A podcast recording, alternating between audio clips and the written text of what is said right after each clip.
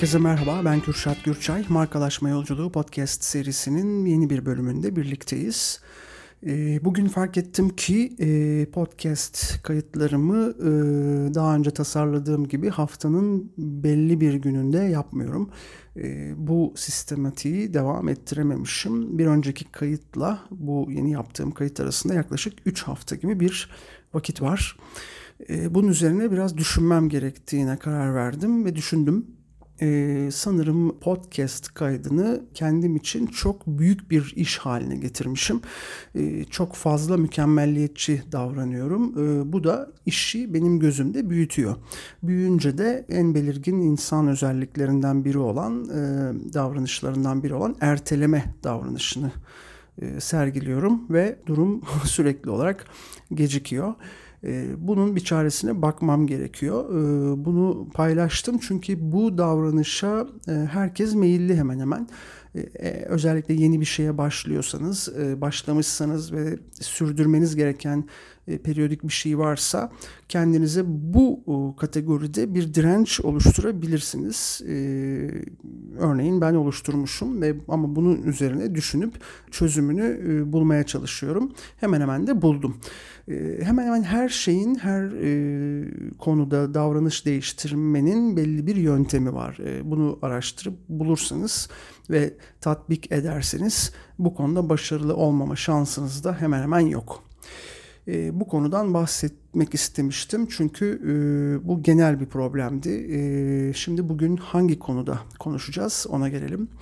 E, bugünkü konumuz e, bilgi girişimciliği e, olacak. E, bilgi girişimciliği alanında markalaşmak ve bilgi girişimciliği işine girmek isteyenlerin izlemesi gereken bazı ilk baştaki o yollardan bahsedeceğim. Bunları başlık başlık size ileteceğim ve yavaş yavaş üzerine de konuşacağız. Fakat öncesinde iki bilgi var vermek istediğim. E, geçtiğimiz 3 hafta içerisinde iki farklı proje üzerine çalıştım. Bunlardan bir tanesi e, yine bilgi girişimciliği alanında ağırlıklı olmak üzere iş kurmak, e, bir şeyler yapmak isteyen kişilerin nereden başlamalıyım, e, nasıl devam etmeliyim, hangi araçları kullanarak bu işi daha kolay ve seri bir hale getirebilirim sorularına yanıt olacak bir eğitim tasarlıyordum. E, bunu sevdiğim bir arkadaşımla birlikte çok yakında duyuracağız ve bu eğitime de kayıt olmak isterseniz Instagram'da bio alanında bulunan linkten bir form doldurarak kaydınızı yaptırabilirsiniz. E, ilk girişi bir webinar ile olacak. E, bu ücretsiz olacak. Buna kesinlikle katılmanızı öneririm. Ardından e, şartlarını henüz tasarlamadık. E, onları da çok yakında duyuracağız. Sosyal medya üzerinden takip ederseniz e, bu bilgilere de hızlıca sahip olabilirsiniz. Bir diğeri de ben girişimi adını verdiğim bir atölye çalışması. Bu atölye çalışmasındaki hedefim yine girişimcilik. Fakat girişimciliğe kişinin bireyselleşme yolculuğu ekseninde baktığımız bir atölye çalışması olacak farklı olmasına özen gösterdim. Ee, daha farklı alanlardan bilgiler ile donatmaya çalıştım. Fakat genel olarak herkesin e, öğretmen, herkesin e, öğrenci olacağı bir atölye olacağını umuyorum. Evet, bilgi girişimciliği alanında e, markalaşmak için ne yapmalıyız ya da bu alana girerken hangi adımları atmalıyız?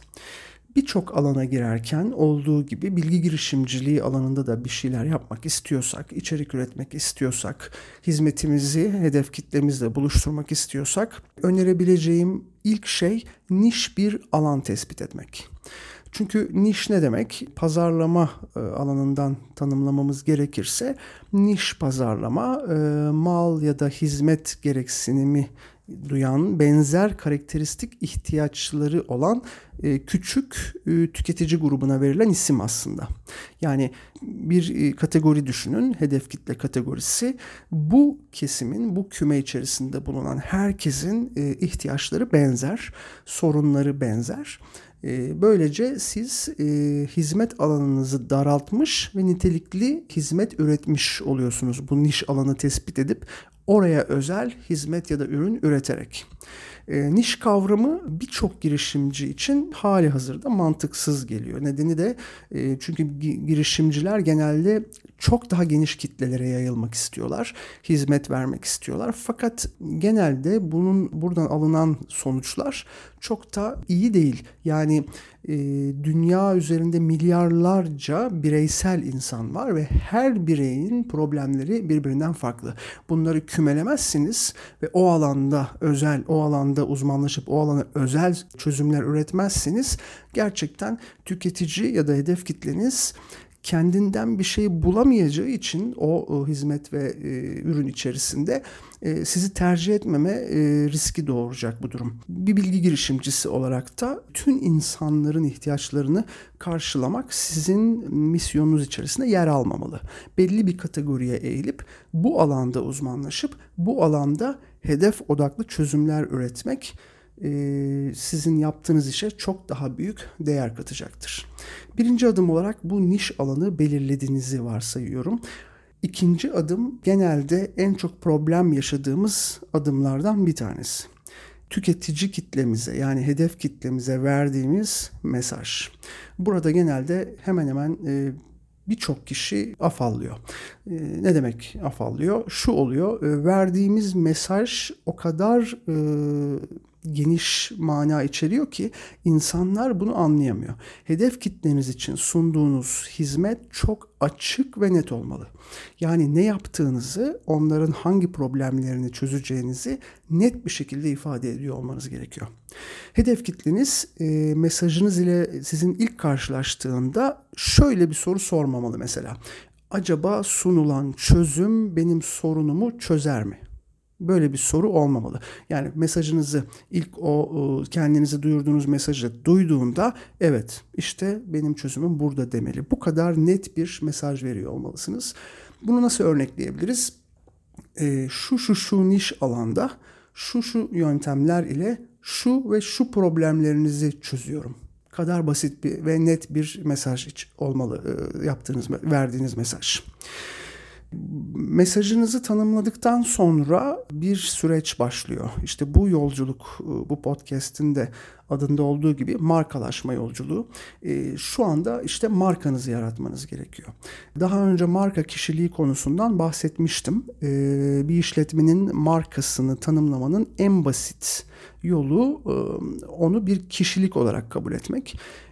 Yani markanız bir kişi olsaydı neye benzerdi, nasıl giyinirdi, nasıl davranırdı, e, nasıl konuşurdu ya da nasıl iletişim kurardı gibi sorular sorarak markanızı bir kişilik haline getirebilirsiniz.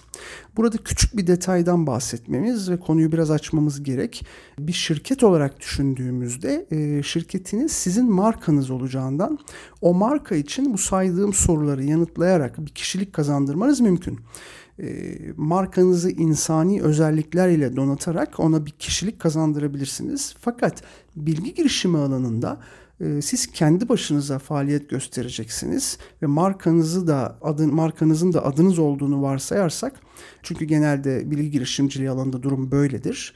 E, markanız da aslında sizsiniz. O zaman şu soruyu sorabilirsiniz. Ben zaten bir kişiyim e, ve markamın yüzü ve adı da ben olduğuma göre e, markama bir kişilik yaratmama gerek var mı? Ya da olmayabilir mi? gibi bir soru sorabilirsiniz. E, bunun cevabı şöyle, evet siz bir kişisiniz ve insani özellikleriniz var. Fakat hedef kitlenize sunduğunuz ve göstermeye çalıştığınız kişi hedef kitlenizin problemlerini çözeceğini vaat ettiğiniz hizmetleri sunan o profesyonel kişi. Ne demek istiyorum? Yani sizin e, bir insan olarak çeşitli karakteristik özellikleriniz mevcut. E, sizin seçtiğiniz niş alan ve yapmak istediğiniz iş ile ilgili buna en yakın kişilik özelliğinizi öne çıkarıp diğer kişilik özelliklerinizi de bunun yanında buna hizmet eder biçimde sergiliyor olmanız gerek. Yani şunu demek istemiyorum. E, bir karakter yaratın olmayan e, ve onun gibi davranın. Rol yapın demiyorum. Var olan kişiliğiniz içerisinde, özellikleriniz içerisinde işinize en yakın olan e, kişilik özelliğini öne çıkararak yapın diyorum. Çünkü artık profesyonel bir hizmet sunacağınız için e, bu profesyonel dünyada hedeflediğiniz kitlenin beklentileri tamamen tutarlılık üzerine. Yani tüketici kitlesi sizden tutarlılık bekliyor. Bizler birçok yöne sahip kişileriz ve duygu durumumuza bağlı bir şekilde birbirinden farklı tepkiler doğurabilecek davranışlar içerisine girebiliyoruz zaman zaman. Bu çok doğal. Fakat müşterilerimiz bize her zaman şu gözle bakar. Müşterilerimiz bizi ilk gördüğü anki gibi görmek ister ondan sonraki süreçte de. Bu yüzden de öne çıkan kişilik özelliğimizi belirleyip bu da daha önce söylediğim gibi yineliyorum çünkü çok önemli bir detay. Ee, seçtiğimiz niş alan ve sunduğumuz hizmeti en yakın kişilik özelliğimizi öne çıkarıp bu yönümüz ile profesyonel dünyada yer almalıyız. Bu markalaşma sürecinde yani markamızı oluşturduktan sonra e, bir platform oluşturmamız gerekiyor. Nedir bu platform oluşturmak? Bizi görünür kılacak özellikleri, öğeleri paylaşacağımız bir platform. Bu bir sosyal medya kanalı olabilir, e, bir kitap olabilir. Yani kitap yazabilirsiniz. E-kitap olabilir vesaire. E, her şey olabilir. Fakat bir şekilde sizin nihai amacınız hedef kitleniz önünde sunduğunuz hizmeti duyuruyor olmaktır. Onların önünde görünür olmaktır. İnsanlar onların hangi problemlerine çözüm olduğunuz konusunda net olmak isterler. En başta dediğim gibi verdiğiniz mesaj çok net ve önemli. Yani ben sizin benim sorunumu tam olarak çözüp çözmeyeceğinizden %100 emin olmazsam e, başka bir tercih e, mekanizmasına geçebilirim. Fakat emin olursam e, siz bana yani 12'den vurursanız hedefi ben direkt olarak sizle iletişime geçerim. Ve e, bu kanaldan, oluşturacağınız bu kanaldan bol bol e, ücretsiz içerik paylaşmanız gerekiyor. Yani insanlar e, sizin o paylaştığınız ücretsiz içeriklerle, bilgilerle, çözümlerle kendilerine e, bazı e, yamalar yapabilmeli ki e, şöyle bir düşünce içerisine girebilsinler Evet bu kişi benim şu problemimi çözdüğüne göre şu büyük problemimi de çözebilir demeli. E, bu yüzden e, bol bol içerik üretmelisiniz. İnsanlara kendinizi zaten ürününüz ya da hizmetiniz olan bilginizi göstermeniz gerekiyor. İnsanlar güven duydukları kişilerle bağ kurarlar. Bunu daha önceki kayıtlarda da söylemiştim. Bu bağı kurmanın da tek yolu onlarla sürekli olarak iletişim içerisinde olmak ve onlarla sürekli olarak bilgi paylaşımı içerisinde olmaktır. Sizin bu platform ıı, tercihiniz aslında hedef kitlenizin ne şekilde davrandığını bilmenizle alakalı.